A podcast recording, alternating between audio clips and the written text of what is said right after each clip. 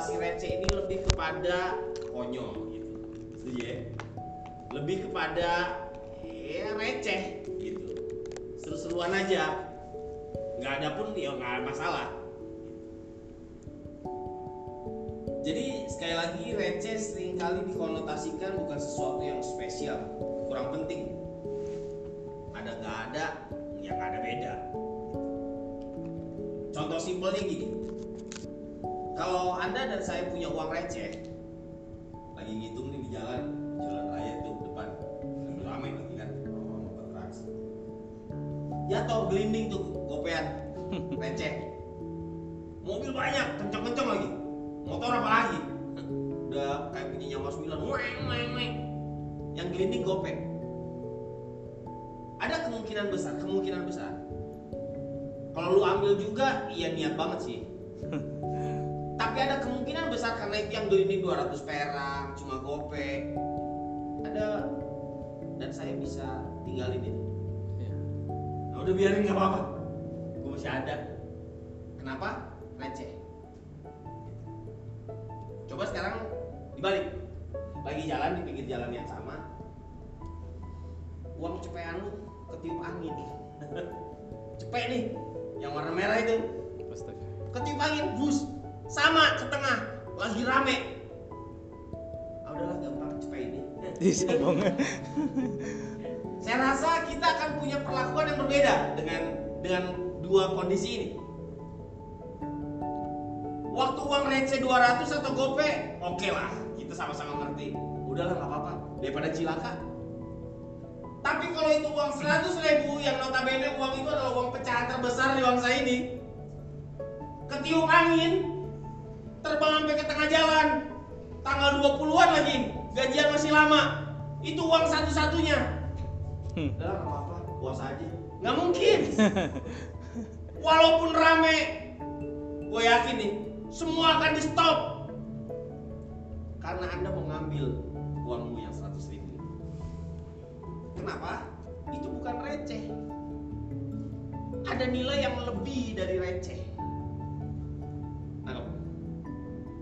Karena Anda tahu itu bernilai, maka akan ada perbedaan memperlakukan sikap sekalipun itu mengandung resiko. Anda mungkin akan riuh di tengah jalan sendiri. Woi berhenti berhenti.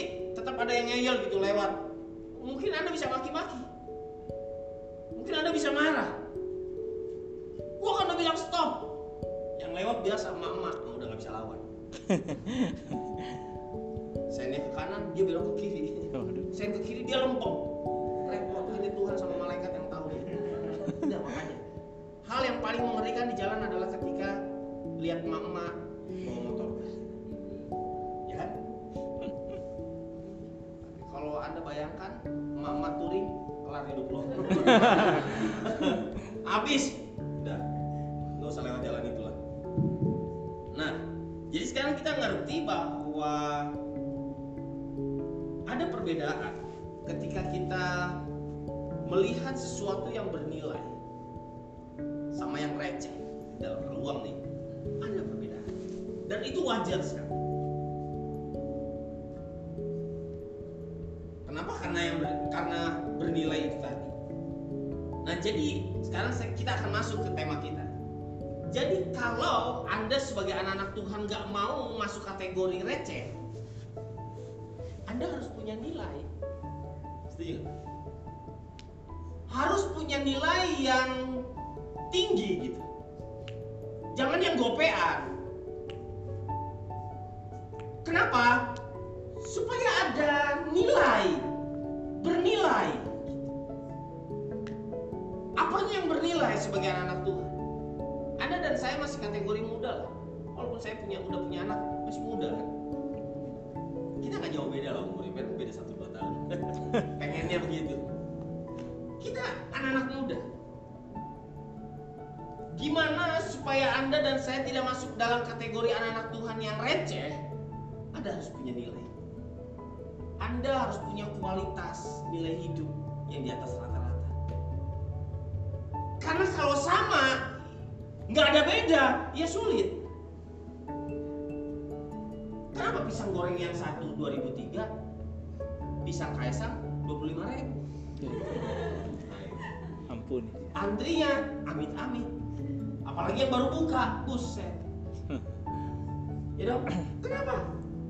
Ada nilai yang lebih di situ. Entah rasanya toppingnya casingnya kemasannya ownernya semua itu mempengaruhi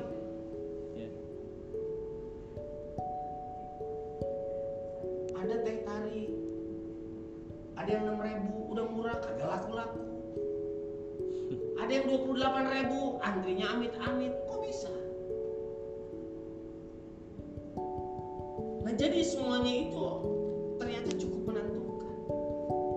Nah supaya anda dan saya sebagai anak-anak Tuhan tidak masuk dalam kategori receh anda harus punya sesuatu yang punya nilai tinggi.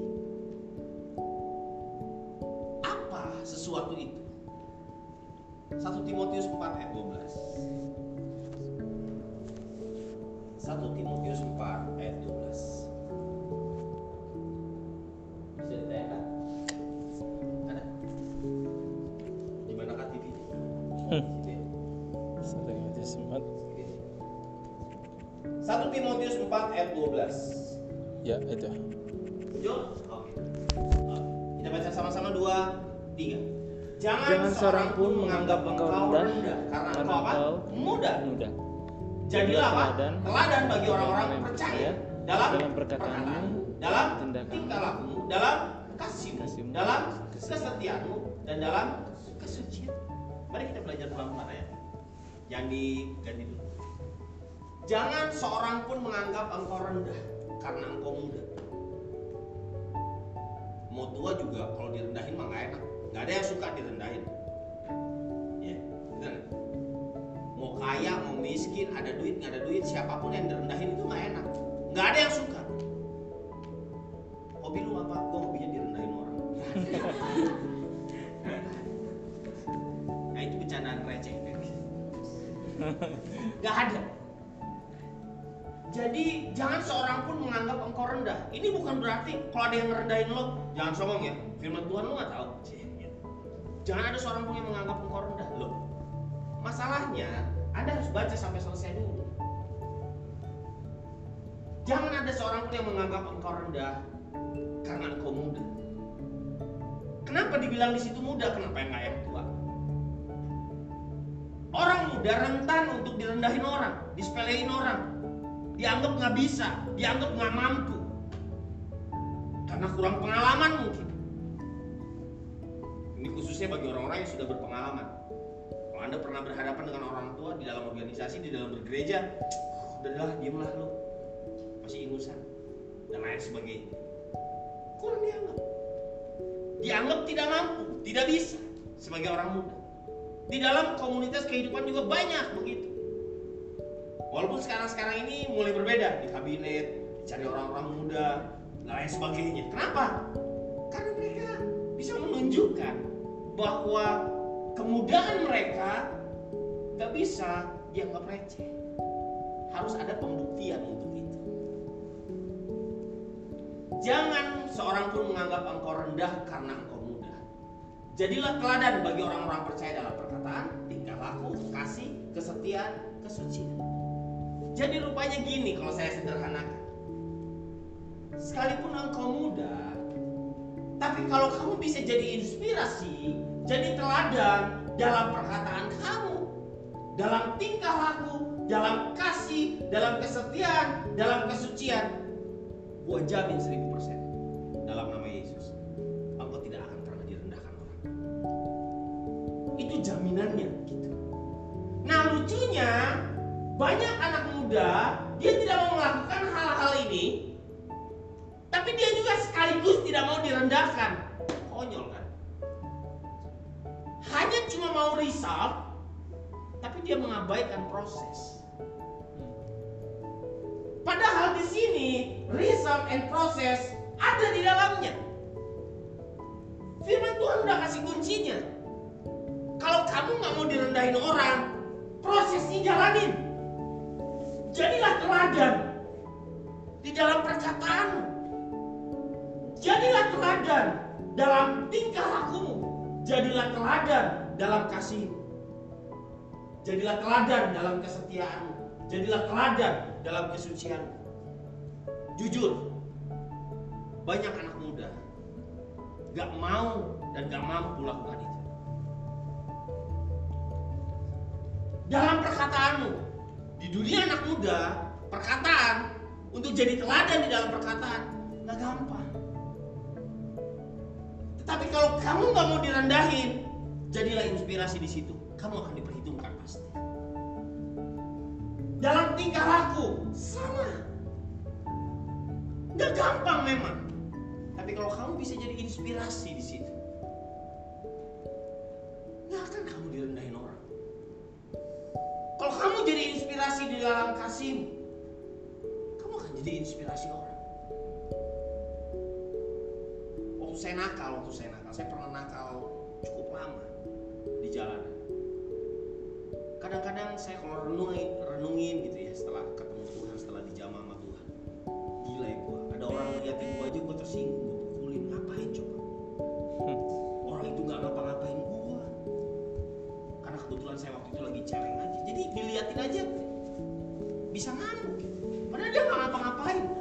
Senyum kagak, kalau senyum mungkin genit ya cowok sama cowok wajar gitu. Ini kagak. Baik-baik. Tapi kenapa bisa sampai dipukuli? Kenapa sampai dibully dan lain sebagainya? Terus model kayak begitu terus kemudian kamu mau mau minta supaya orang-orang tidak merendahkan. Kita merasa kita jago. Enggak. Gue mau kasih tahu enggak. Justru kita direndahin. Sikap kita yang akan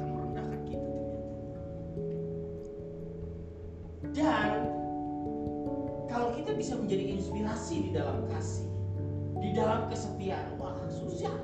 Dalam kesucian susah. Tapi saya mau kasih tahu, Alkitab udah beritahu. Kalau sekalipun kamu muda, kalau engkau jalanin ini semua, kamu nggak akan ada yang menganggap remeh. Tidak akan ada orang yang menganggap remeh kamu. Kenapa? Kamu inspirasinya.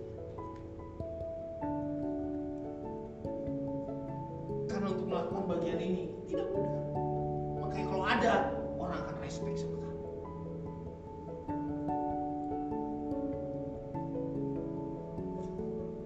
Saya nggak tahu dengan dengan cara berpikir anak-anak muda sekarang, termasuk anda. Ada orang yang bangga ketika dia pacaran ke 20 kali, ke 30 kali dan lain sebagainya. Tapi jujur, saya akan respect sama orang yang sekali pacaran dan itu sampai pernikahan. Saya respect. Kenapa? Gak gampang dapetin itu. Coba aja anda cari.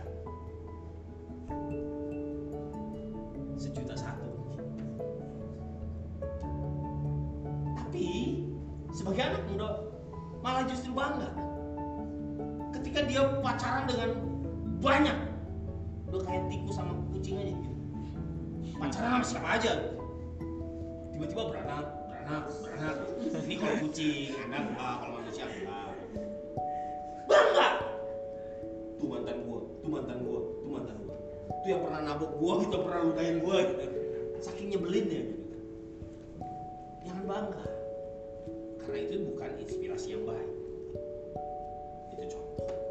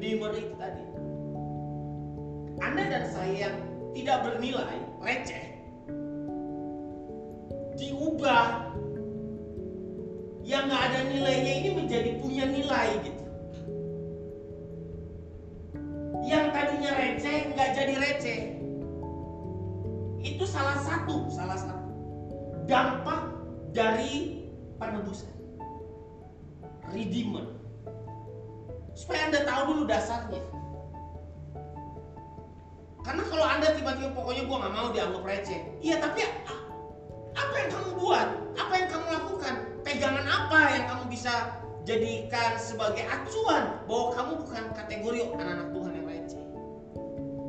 Anda harus paham dulu supaya nggak asal ngawur gitu. Gua anak Tuhan bukan anak receh. Iya oke. Dasarnya apa? Dan what next setelah kamu tahu dasarnya? Nah saya akan mau kasih tahu dasarnya. Sebagai anak-anak Tuhan, kenapa anak-anak Tuhan bukan receh? Karena kamu adalah, kamu dan aku adalah umat tebusan. Kamu ditebus, kamu dibayar dengan harga yang mahal, bukan murah. Saya kasih tahu.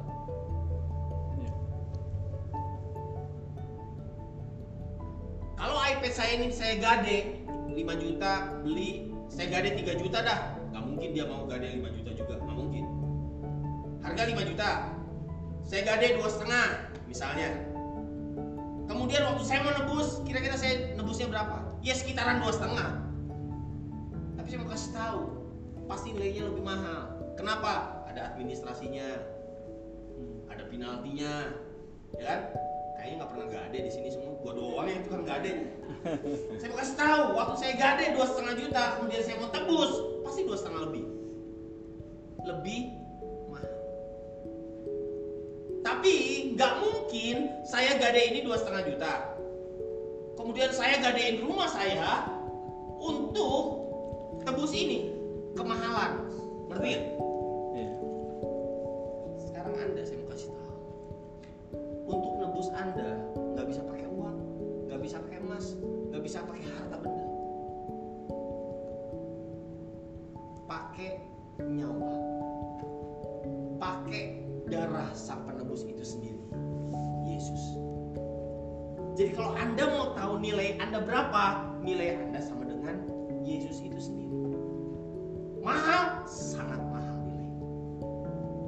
Jadi jangan pernah engkau taruh nilai yang lebih murah daripada nilai yang sudah ditentukan oleh Tuhan untuk Anda.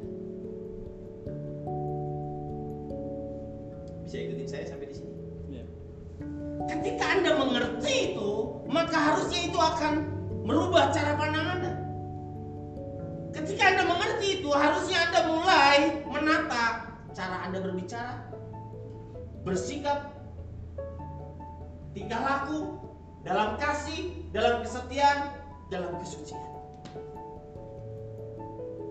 Karena ternyata salah satu akibat dari dampak dari Tuhan menebus, Kristus menebus lewat kayu salib untuk Anda dan saya adalah supaya engkau menghasilkan nilai hidup yang baik. Bukan serampangan, bukan memunculkan sikap perkataan yang receh. Karena engkau dan saya Setuju.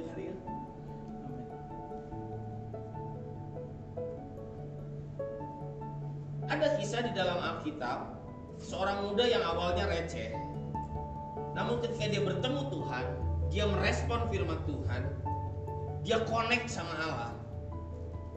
Dirinya tidak lagi menjadi pribadi yang receh, tetapi menjadi pahlawan yang agak perkasa. Namanya Gideon.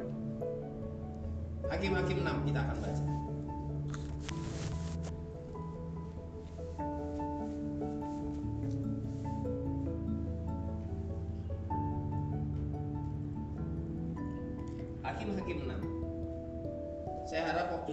Bacakan beberapa ayat Anda tidak tertidur. Karena dari apa yang saya akan bacakan ini keren banget. Saya ingin sampaikan beberapa ayat. Tetapi orang Israel ayat pertama ya Melakukan apa yang jahat di mata Tuhan. Sama-sama sebutkan, katakan apa yang jahat. Apa yang jahat? Jadi situasinya orang-orang di sekitar Gideon ini orang-orang yang melakukan kejahatan.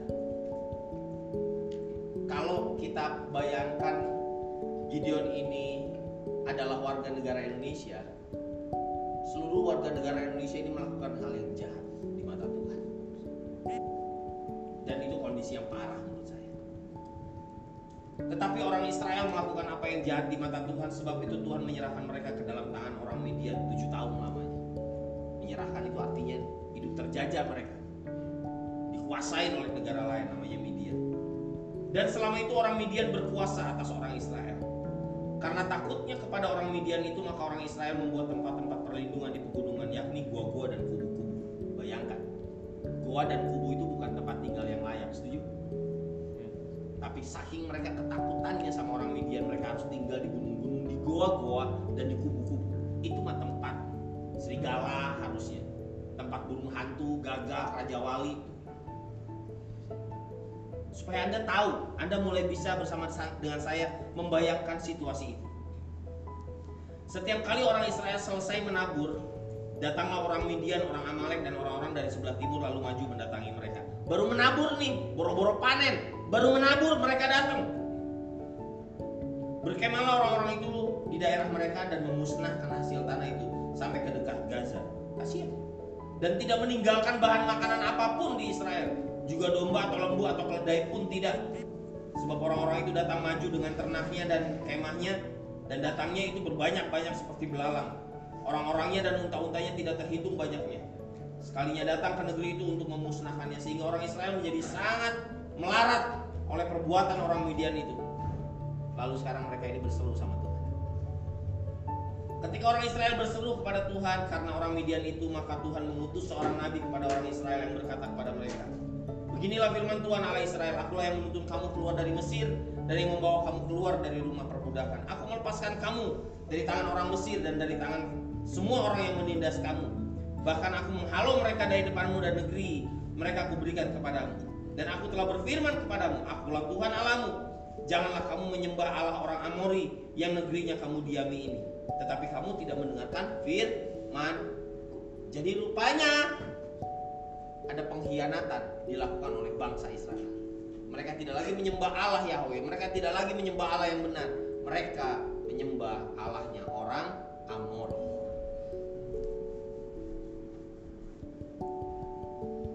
Skip bagian itu masuk ke lompat ke ayat 11. Kalau kalau sinetron ini skin yang lain. Ini skin yang lain. Di satu tempat malaikat Tuhan menampakkan diri kepadanya dan berfirman, eh sorry. Kemudian datanglah malaikat Tuhan dan duduk di bawah pohon terbantin di Ofra, kepunyaan Yoas orang Abie, Abiezer itu. Sedang Gideon anaknya mengirik mengirik gandum dalam tempat pemerasan anggur. Kalau anda simak baik-baik itu nggak wajar.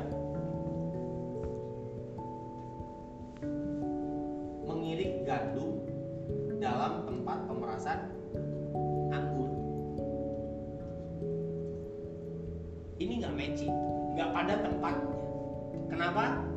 Karena kondisi tadi ketakutan, kepepet. Jadi tempat yang seharusnya buat pengirikan anggur itu dipakai untuk mengirik gandum. Bukan pada tempatnya. Meeting yang harusnya di ruang meeting ini di toilet kan aneh. Yuk bikin meja di toilet. Something wrong. Ini pun begitu, something wrong. Mengirik gandum di tempat pemerasan anggur. Gak nyambung karena situasi dan kondisi. Tetapi lihat, dari yang gak nyambung ini bagaimana Tuhan merangkai orang ini jadi hebat. Malaikat Tuhan menampakkan diri kepadanya, kepada Gideon itu. Berfirmanlah kepadanya demikian. Tuhan menyertai engkau ya pahlawan yang gagah berani. Tambah gak nyambung nih kalau sekilas. Gideon sedang mengerjakan mengirik gandum di tempat yang gak jelas, nggak nyambung. Kenapa? Karena ketakutan. Sekarang datang malaikat Tuhan ngomong pahlawan yang gagah berani. Kagak. Hei orang yang lagi ketakutan, nah nyambung. Harusnya kan gitu. Dia udah ada di tempat yang tidak seperti seharusnya, Apalagi orang Israel yang lain ada di gua-gua di kubu-kubu. Itu bukan wajar, itu mereka sedang ketakutan. Mereka sedang panik. Mereka sedang mencari aman. Termasuk Gideon. Tetapi lihat cara pandang Tuhan sama orang ini. Hai pahlawan yang gagah berani. Gideon masih ngeyel bilang begini. Ah Tuanku, jika Tuhan menyertai kami, mengapa semua ini menimpa kami? Di manakah Allah yang yang dulu pernah diceritakan itu yang katanya hebat itu? Kok sekarang nggak nolong dan lain sebagainya? Singkat kata, singkat kata, dari pertemuan itu Gideon kemudian terbangun, connect, terhubung sama Tuhan. Kalau Anda baca, Gideon ini sempat kayak nggak percaya diri gitu. Wajar karena kondisinya memang nggak kolusif. Jadi Gideon sempat ngeyel iya, nggak percaya diri iya, minder iya, yang saya kategorikan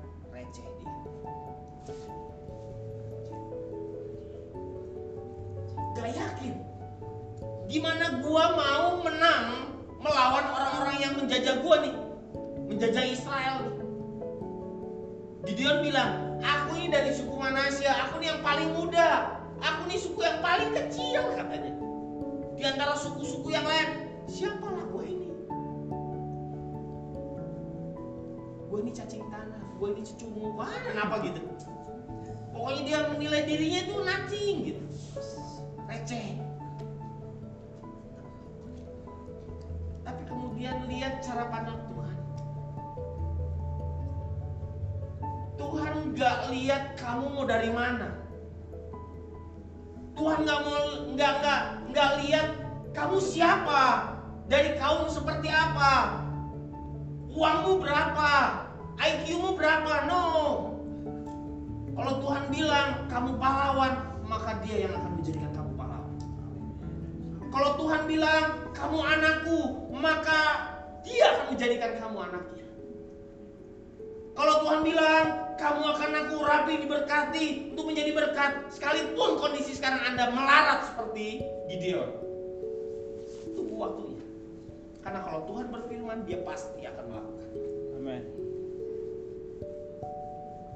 Bangsa Israel dalam keadaan melarat. Kalau saya kasih gambaran begini, sederhananya. Israel pada waktu itu sedang mengalami kegelapan gitu. Lalu kemudian muncul secercah cahaya dan cahaya itu Tuhan pakai lewat siapa? Gideon. Dan bagi Tuhan itu cukup untuk membawa sebuah perubahan. Sedikit saja. Hanya satu orang Gideon. Jadi untuk membawa perubahan gak harus tunggu banyak-banyak. Ternyata bersama dengan Tuhan yang sedikit aja cukup. Satu yang bisa dipakai Tuhan, dirubah Tuhan dari pribadi yang receh menjadi pribadi yang luar biasa. Saya berharap orang itu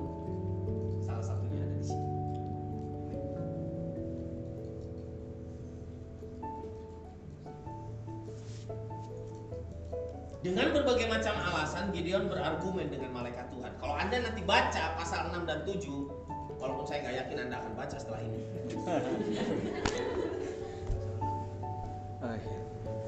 Pasal 6 dan 7 di sana diceritakan bagaimana Gideon itu setelah malaikat Tuhan ngomong, "Hei kamu pahlawan yang gagah berani."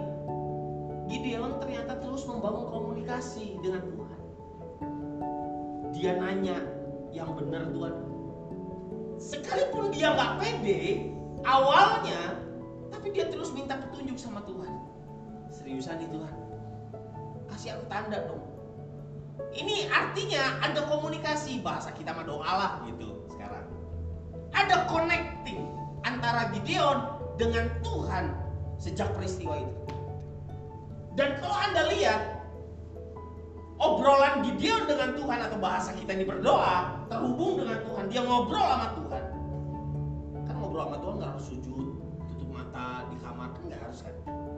Anda bisa terhubung sama Tuhan waktu di bis di motor di mana aja di angkot. Lagi kegencet di M, di kereta bisa Anda terhubung sama Tuhan. Gideon sejak peristiwa itu dia connecting dengan God. Dia connecting to God. Dan intens hebatnya tanpa dia sadari connecting to God yang dia alami bahasa saya pengalaman rohani yang dia alami day by day bersama dengan Tuhan merubah Gideon yang tadinya nggak percaya diri jadi Gideon yang percaya diri. At the end, Gideon yang tadinya receh menjadi berangsur-angsur menuju seorang pahlawan. Kalau Anda baca di sini,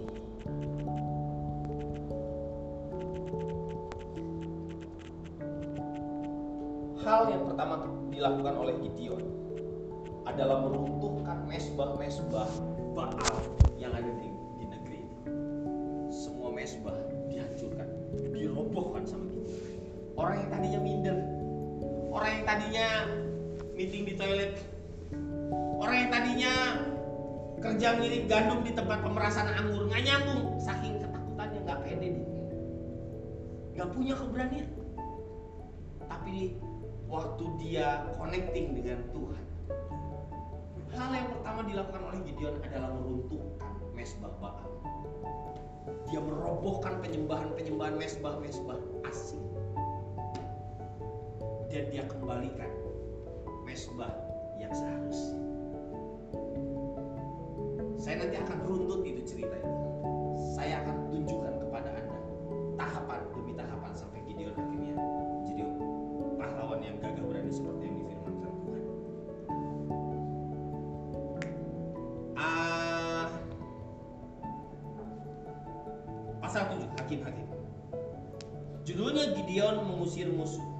Gideon sejak peristiwa meruntuhkan mesbah-mesbah Baal, dia disebut Yerubaal, istilahnya Yerubaal. Sama orang-orang di sekitar itu. Lalu kemudian singkat kata Gideon diperintahkan Tuhan ingat kata diperintahkan Tuhan berarti Gideon selalu mendapatkan petunjuk dan arahan dari Tuhan ya jadi Gideon sekarang dapat arahan sama Tuhan untuk melawan orang-orang yang menjajah dia negerinya termasuk Midian itu tadi kemudian Tuhan bilang kumpulkan orang-orang waduh terlalu banyak 32 ribu. Kurangin 22 ribu pulang. Tinggal 10 ribu. Masih kebanyakan. Sampai ujung-ujungnya Tuhan hanya pilih berapa? 300 Terus. 300 ada filmnya? Walaupun bukan Gideon tapi kurang lebih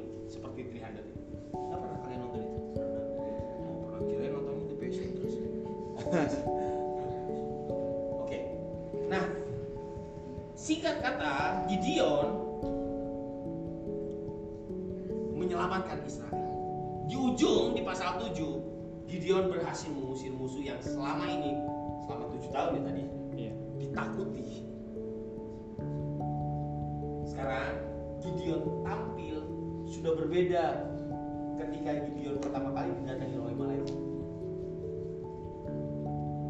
Pertanyaan saya, apa yang menyebabkan Gideon yang awalnya receh jadi Gideon yang diperhitungkan di Israel? Itu gak simsalabim. Ada proses yang menyertainya.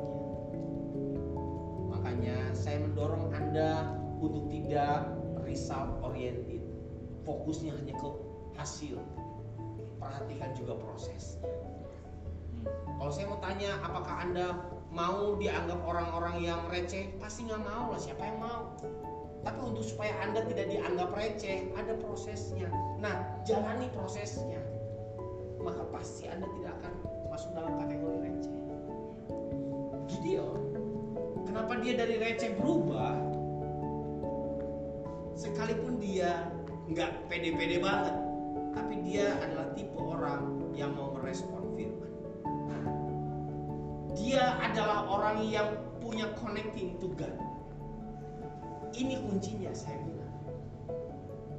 Dia adalah orang yang punya pengalaman, membangun pengalaman rohani dari hari ke hari sama Tuhan. Itulah yang merubah dia, yang membuat dia dari seorang receh jadi pahlawan. Pertanyaannya untuk Anda dan saya. Punyakah Anda pengalaman-pengalaman rohani bersama dengan Tuhan day by day? Punyakah Anda waktu-waktu untuk berdoa? Tanya sama Tuhan, tanya apa aja? Ngobrol apa aja? Minta petunjuk apa aja? Punyakah Anda waktu day by day sama Tuhan membangun pengalaman rohanimu sama Dia? Saya mau kasih tahu, karena rupanya pengalaman-pengalaman rohanimu bersama dengan Tuhan itulah yang akan membuat engkau gagah perkasa. Jangan Anda pikir bahwa kehebatanmu, skillmu, kepintaranmu, konek apa? Koneksimu, relasimu yang akan membawa kamu hebat. Saya mau kasih tahu bukan itu. Yang membuat kamu akan jadi orang-orang hebat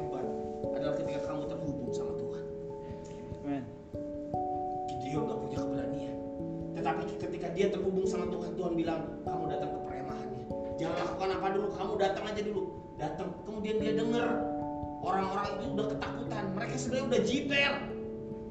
Mereka udah dengar nama Gideon. Bayangin. Jadi waktu Gideon tahu itu dia semakin pede. Nangkep maksud saya? Cara Tuhan membangun pedenya Gideon itu hebat. Jadi waktu Gideon datang ke perkemahan mereka, semua orang di perkemahan itu sedang ngomongin Gideon. Mereka sedang ketakutan sama yang namanya Gideon. Padahal Gideonnya sendiri ketakutan sama mereka. Nangkep maksud gua? Waktu Gideon dengar mereka ketakutan sama gua kan, ini kalau gua Gideon nih, gua nih takut. Tapi waktu gua datang ke perkemahan yang gua takutin itu, gua dengar, lah semua penduduk ini takut sama gua. Ya gua makin yakin. Nangkep maksud gua? Wah, gua dia, dia balik ke perkemahan dia, dia kumpulin orang-orang, tenang men, Tuhan karena dia disuruh sama Tuhan, Tuhan dia punya keyakinan sekarang, Tuhan udah serahkan mereka sama gua. Gua udah dapat informasi, mereka tuh sebenarnya takut sama kita, jadi sekarang kita pede aja, sikat, sikat. Akhirnya kepala kepala. Mereka kalau pancung orang pancung orang, akhirnya kepala siapa gitu saya lupa, ada dua orang rajanya. Di bawah. Di hadapan Gideon nih kepala raja yang satu, nih kepala yang raja. Zaman dulu begitu, takluk artinya itu. Kalau saya nggak pernah ceritain Gideon siapa di awal, saya mau cerita langsung Gideon memenangkan pertandingan, Anda nggak akan dapat message apa pun.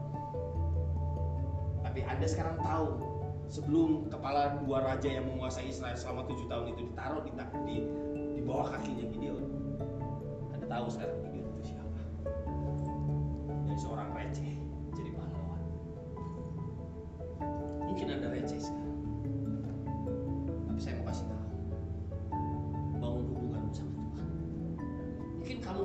dianggap sekarang, kamu mungkin diremehin orang sekarang.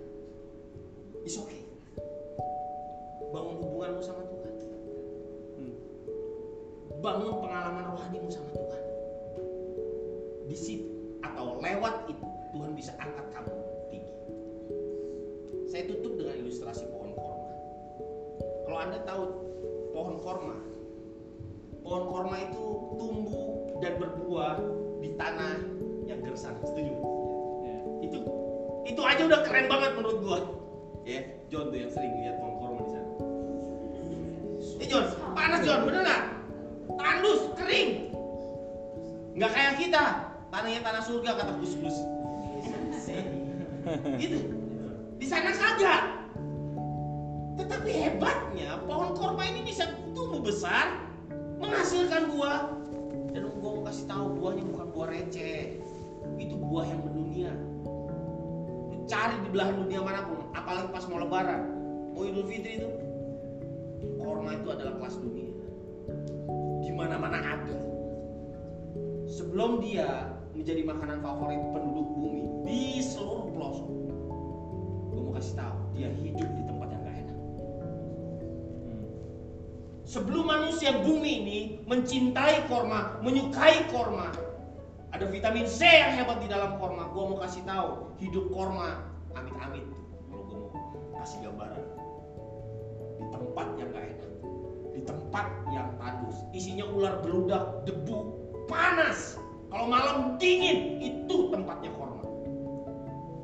Itu gak enak kalau mau dimanusiawikan nih, dimasukkan ke dalam gambaran manusia, itu tempat gak enak. Tapi di tempat yang gak enak itu dia tumbuh, dia berbuah bisa? Sekali lagi, prosesnya kita akan lihat. Dan saya akan closing dengan proses korma itu. Setelah itu kita jualan korma. Proses korma.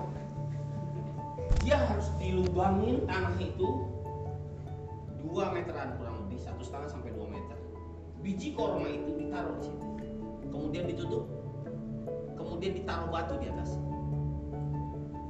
jadi korma kecil ini begitu mau nongol keluar nggak bisa ada batu gede. Karena dia nggak bisa muncul ke permukaan dia nggak bisa nongol dia nggak bisa terlihat ke atas. Ya dia ke bawah. Nggak ada pilihan. Jadi dia ke bawah untuk cari apa? Sumber air. Makanya akar pohon korma itu bisa panjang banget. Kenapa? Tergantung sumber airnya ada di kedalaman berapa maka dia akan terus masuk ke dalam cari sumber air waktu dia dapat sumber air itu tanah yang udah mulai basah-basah ada air buat dia. Itu modal ya. Buat si korma ini modal untuk gua balik lagi ke atas dan akhirnya dia bisa dobrak batu itu. Waktu dia berhasil dobrak batu itu dia sudah semakin kuat. Gak ada satupun yang bisa menghalangi dia untuk tumbuh. Muncul ke permukaan. Kenapa? Akarnya udah dalam. Dan akarnya sudah mencapai sumber air. Buat dia itu modal utamanya. Waktu dia dapat itu, cengkramkan akarnya di sumber air itu dia nggak akan pernah lepas lagi. Karena itu sumber kehidupan di si korma. Dia naik lagi ke atas. Batu yang tadinya menghalangi dia dan nggak bisa dia dobrak, sekarang dia dobrak. Jeder. Waktu dia dobrak, mulai dia tumbuh. Mulai dia tumbuh dan akhirnya menghasilkan buah. Musafir, pedagang zaman-zaman dahulu. Kalau mau istirahat istirahat di pohon korma. Ada buahnya dia bisa makan. Pohon korma karena itu mengandung vitamin yang tinggi protein yang tinggi dia bisa punya kekuatan lagi untuk berjalan melanjutkan perjalanan dari keesokan harinya. Dia jadi yang lemes-lemes sudah karena panasnya minta ampun itu terik itu makan korma. Korma kan vitamin C nya hebat. Tubuhmu nggak bisa nggak bisa menghasilkan vitamin C. Vitamin C harus dari luar pohon korma vitamin C mu hebat nambah.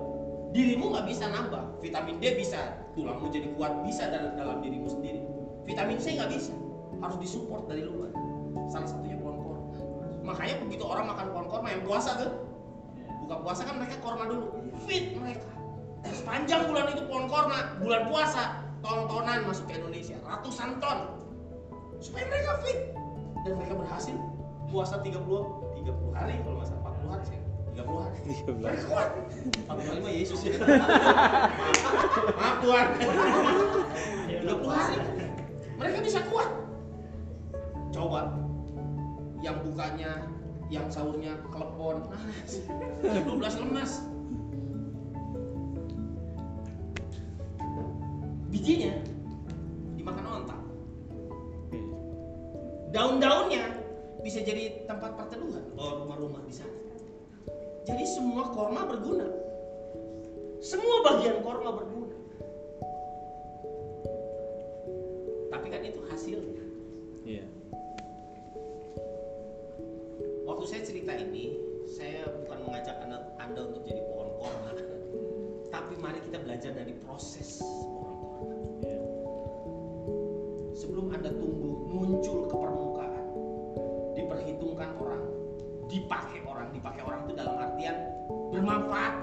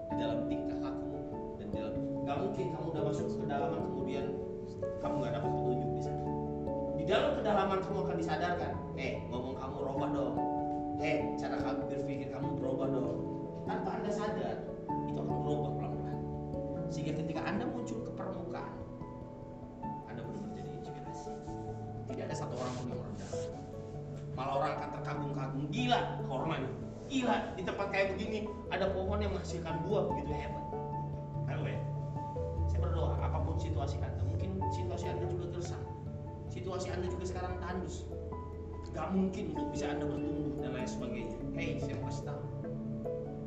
Tanah anda boleh gersang tanah anda boleh tandus. Tapi kalau anda mencapai kedalaman mata air